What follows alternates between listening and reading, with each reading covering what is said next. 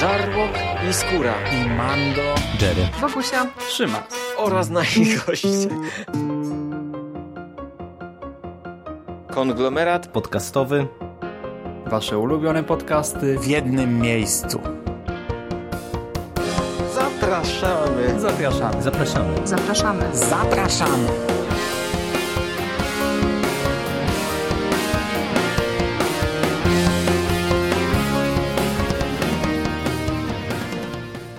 Witam w konglomeracie podcastowym, czyli na platformie, która zbiera wszystkie Wasze ulubione podcasty w jednym miejscu. Ja nazywam się Michał Rakowicz, czyli Jerry i dzisiaj zaproszę Was na pierwszy z trzech podcastów e, o Gotham Central, które mam nadzieję będziecie mogli posłuchać w takim mniejszym lub większym bloku w bieżącym tygodniu. Aż trzy podcasty, dlatego że ja postanowiłem e, przy okazji wydania teraz na świeżo, bo pod koniec października tomu czwartego e, nadrobić się całego tam Central, czyli tomy 2, 3, no i oczywiście album finałowy. I początkowo nawet się zastanawiałem, czy jest sens o tych poszczególnych albumach robić osobne podcasty.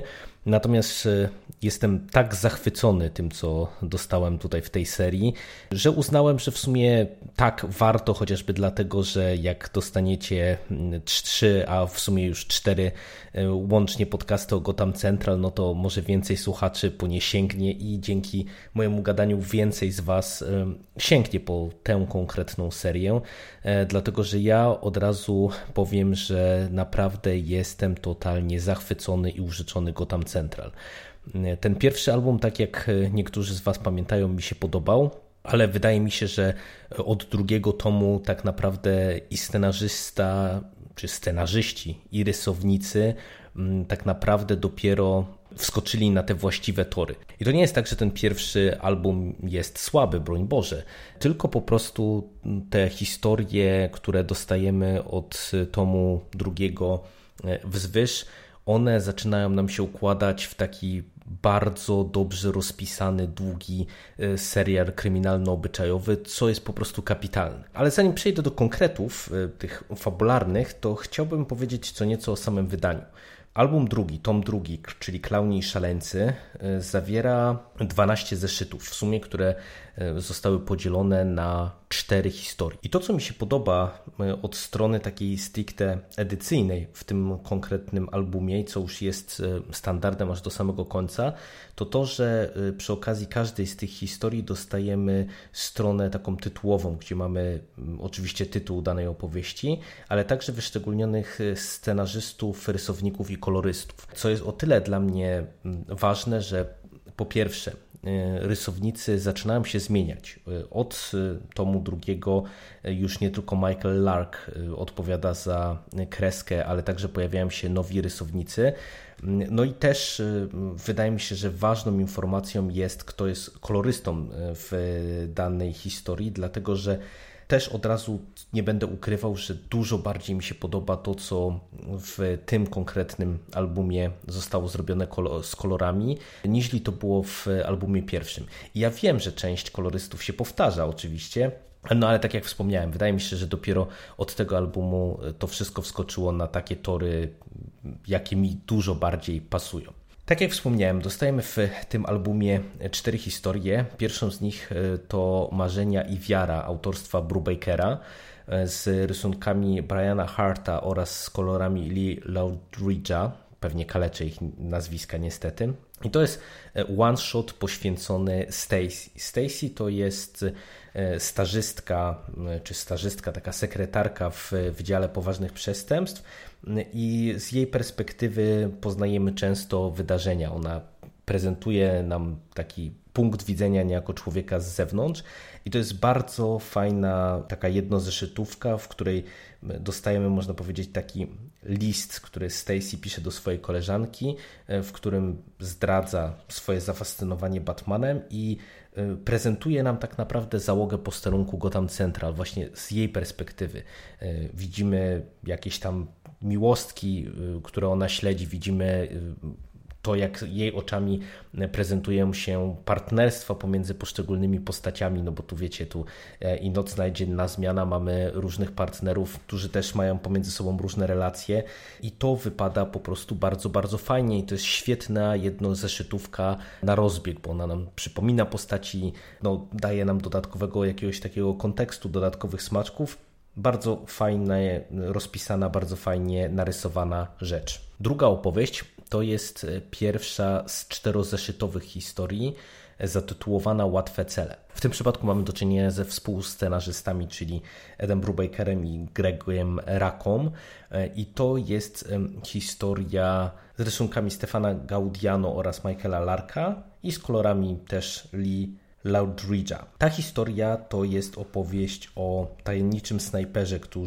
który zaczyna terroryzować e, miasto Gotham, zabijając e, urzędników państwowych. Jak się bardzo szybko okazuje, e, za całą sprawą stoi Joker. No i mamy tutaj do czynienia z takim klasycznym śledztwem w sprawie, no, można powiedzieć, psychopaty, w które z racji na to, że mamy do czynienia z Jokerem, y, wmieszany jest oczywiście Batman. Historia jest bardzo dobra, bardzo dobrze rozpisana, tym bardziej, że w tej opowieści łączy nam się świetnie to, co jest y, w mojej ocenie jedną z najlepszych rzeczy, jeżeli chodzi o całą serię, czyli e, wątki obyczajowe, wątki policyjne, wątki kryminalne i wykorzystanie Batmana i przeciwników Batmana. Po pierwsze, sama historia kryminalna jest bardzo fajna i ciekawie poprowadzona. E, dobrze wykorzystuje Batmana, który tutaj jest w tle. E, ciekawie wykorzystuje Jokera, który z jednej strony no, można powiedzieć, wykonuje jeden ze swoich takich klasycznych y, numerów, ale jest y, no, interesująco sportretowany. To jest taki Joker z jednej strony y, typowy, z drugiej strony wypada to bardzo dobrze tutaj na kartach tego komiksu, a też świetnie są rozpisane tutaj te wątki policyjne i obyczajowe. E, mamy bardzo fajne historie pomiędzy poszczególnymi postaciami, pomiędzy poszczególnymi policjantami na posterunku. E, widać, jak te wątki obyczajowe wpływają nam na śledztwo, wpływają nam na postaci, wpływają nam na historię e, tych poszczególnych postaci, relacji pomiędzy postaciami. Widać, że to wszystko nie dzieje się w próżni, tylko cały komisariat żyje. Jeżeli mamy gdzieś tam relacje z dziennikarzami, bo tutaj już e, też e, wychodzi bardzo mocno na pierwszy plan jeden z wątków, który będzie takim stałym motywem w Gotham Central, czyli relacja e, policjantów z dziennikarzami, no to tutaj to też jest bardzo interesująco rozpisane. To nie jest, wiecie, tylko czarno-białe, że dziennikarze są źli albo dziennikarze są dobrzy, tylko tak jak w całym tym komiksie wszystko jest szalenie interesujące, zniuansowane i nie daje nam, czytelnikom, jednoznacznych odpowiedzi. Bardzo dobra historia, bardzo mocno się kończąca i tak naprawdę zostawiająca nam y, bardzo ciekawe wątki y, na przyszłość, bo ja już jestem po lekturze całości Gotham Central i po prostu to też y, zasługuje na uwagę, jak wyśmienicie te tak naprawdę oderwane od siebie historie y, są później ułożone w jedną większą całość, bo w łatwych celach y, pojawiają się nam te, te, takie wątki, takie motywy, które y, będą bardzo istotne z perspektywy dalszych historii. Kolejnym rozdziałem jest Życie jest pełne rozczarowań, również posiadające dwóch współscenarzystów, czyli Brubaker'a i Rakę. Jeżeli chodzi o rysunki, tutaj mamy e, rysownika Grega Scotta. Kolorysta pozostaje bez zmian. I znów to jest bardzo dobra historia kryminalna, tym razem bez, e, można powiedzieć, mieszania w to w jakiś istotny sposób e, tych standardowych przeciwników Batmana czy Batmana w ogóle, mm, ale stanowiąca fajną historię kryminalną właśnie z e, ciekawymi wątkami obyczajowymi. Tutaj punktem wyjścia do całej opowieści jest znalezienie na e, śmietniku e, ciała młodej kobiety. No i tak jak to tutaj nam mówią policjanci, no nikogo by to pewnie nie zainteresowało, no ale na skutek jakiś tam, można powiedzieć, mniejszego lub większego przypadku śledztwo trafia trafia do Wydziału Poważnych Przestępstw, no i się nagle okazuje, że ta pozornie dosyć prosta sprawa no, ma jakieś tam drugie dno. A do tego cała ta policyjna robota jest tutaj ponownie przeplatana bardzo fajnym wątkiem obyczajowym. Między innymi śledzimy Vincenta del Arasio, partnera Jolie Bartnett i tutaj ta relacja właśnie partnerska i cały ten wątek obyczajowy pomiędzy tymi postaciami to też jest naprawdę szalenie satysfakcjonująca rzecz, e, pokazująca, że e, i ci partnerzy pomiędzy sobą mają gdzieś tam zawsze jakąś ciekawą relację, podbudowaną właśnie tym, że no, chronią siebie często i muszą o siebie dbać, ale także każdy z nich ma jakieś tam swoje życie, często takie, z którym niekoniecznie chce się dzielić z innymi. Bardzo, bardzo dobra opowieść. No i na finał dostajemy historię kolejną czterozeszytową, bo w sumie chyba nie wspomniałem przy poprzedniej, poprzednia to była trzyzeszytówka, zatytułowaną Nierozwiązane e, autorstwa Brubakera. Z rysunkami ponownie Michaela Larka i Stefana Gaudiano z kolorami Lee Lauridge'a i to jest kolejna bardzo, bardzo dobra i bardzo mocna historia. E, tutaj powracamy w, do roli pierwszoplanowej Markusa Drivera, e, którego już mieliśmy w pierwszym tomie, poznaliśmy w pierwszym tomie. I to jest historia, która się zaczyna bardzo mocno, kiedy to Driver jest wezwany przez jakiegoś chłopaka, z którym chodził do klasy jego młodszy brat, który w sklepie mm, zatrzymał paru zakładników i chce rozmawiać z Driverem w sprawie, w którą kiedyś był zamieszany, a mianowicie ten chłopak jest jedną z dwojga postaci, które przeżyły zamach bombowy na szkolną drużynę tam sprzed paru ładnych lat. No i chłopak e, zdradza Driverowi, że to on to zrobił, ale nie był sobą, bo coś mu kazało. No i tak naprawdę sprawa, która była nierozwiązana, zamknięta i schowana głęboko do szuflady mm, komisariatu i Wydziału Poważnych Przestępstw, wraca na pierwszy plan. E, okazuje się, że sprawę pierwotnie prowadził Harvey Bullock, czyli e, były partner Irene Montoyi, policjant, który no, pracował z, jeszcze z Jimem Gordon, Gordonem i no, słynął z, ze swojej brutalności, z takiego bezwzględnego podejścia do przestępców. No i jak się okazuje, ta sprawa to była taka sprawa dla niego osobista. Ona go cały czas prześladuje i kiedy e, policjanci zwracają się do, po pomoc do Buloka, sygnalizując mu, że wróciła cała ta sprawa sprzed lat, no to Bullock wychodzi na chwilę na pierwszy plan i to jest kolejna szalenie mocna i szalenie intensywna opowieść. E, bardzo mi się to podobało. Znów mamy fajne wykorzystanie klasycznych przeciwników Batmana e, z pominięciem prawie że do zera samego Batmana. Świetna rzecz. Jeżeli chodzi o dodatki, to tutaj tak naprawdę przez to, że ten, ten album jest wypakowany już samą zawartością, taką powiedziałbym merytoryczną, to dodatków poza e, okładkami poszczególnych zeszytów nie dostajemy. Dostajemy za to wstęp Dwayna Świerczyńskiego, który e, rozpisuje się o e, stylistyce noir w Gotham Central. No i tak, to jest fajny wstęp, ja się z nim zgadzam co do zasady.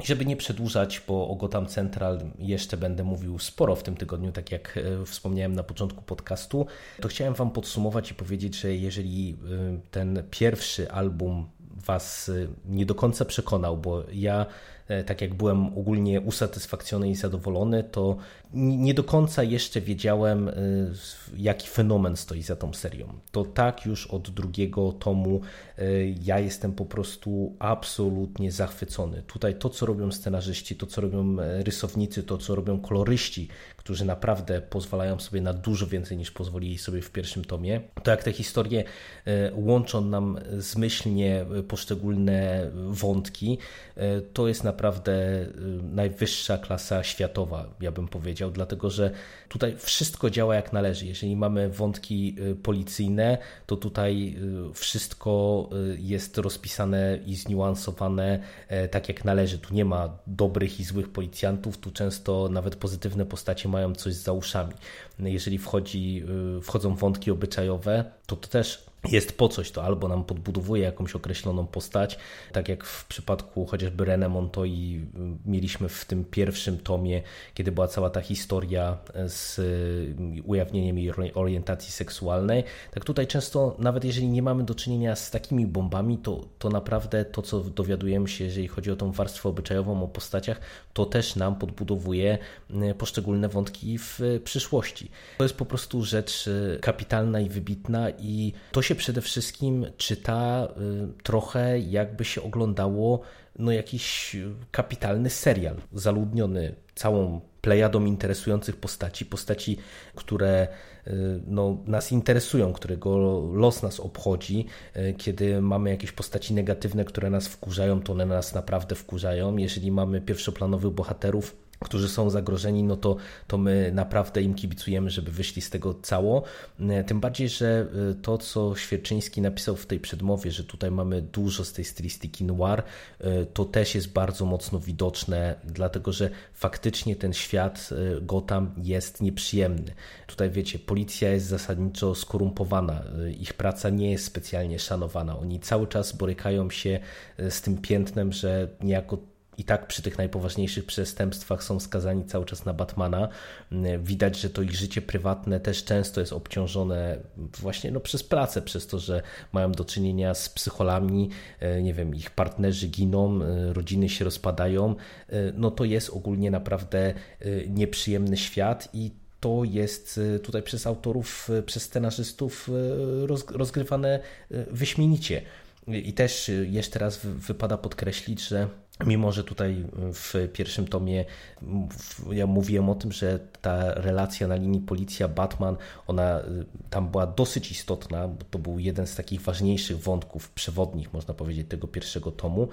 Tak tutaj już to schodzi na drugi plan, a sam Batman jest portretowany trochę jako taki psychopata. W tym tomie jeszcze aż tak bardzo to nie wychodzi, chociaż on i tak y, można powiedzieć, że pojawia się jak taka siła natury, która y, czasem ratuje dzień, a czasem trochę przeszkadza policji, e, ale to też jest świetne, bo to jest zupełnie inne podejście do nietoperza niż widzimy w komiksach bezpośrednio z nim. Ode mnie naprawdę duże, duże brawa. Jako, że już e, rozmawialiśmy dzisiaj prywatnie, pierwszy tom jest chyba wyprzedany poza jakimiś sklepami stacjonarnymi, to już od razu lećcie sobie po pierwszy tom Gotham Central i zabierajcie się za tą serię. Nie będziecie mogli się oderwać, a ja zapraszam dosłownie za chwilę na kolejne podcasty o kolejnych tomach. Ode mnie na dzisiaj to wszystko. Dzięki i do usłyszenia. Cześć.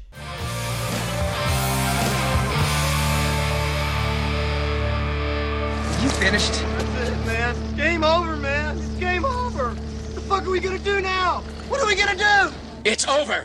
Nothing is over! Nothing! You just don't turn it off!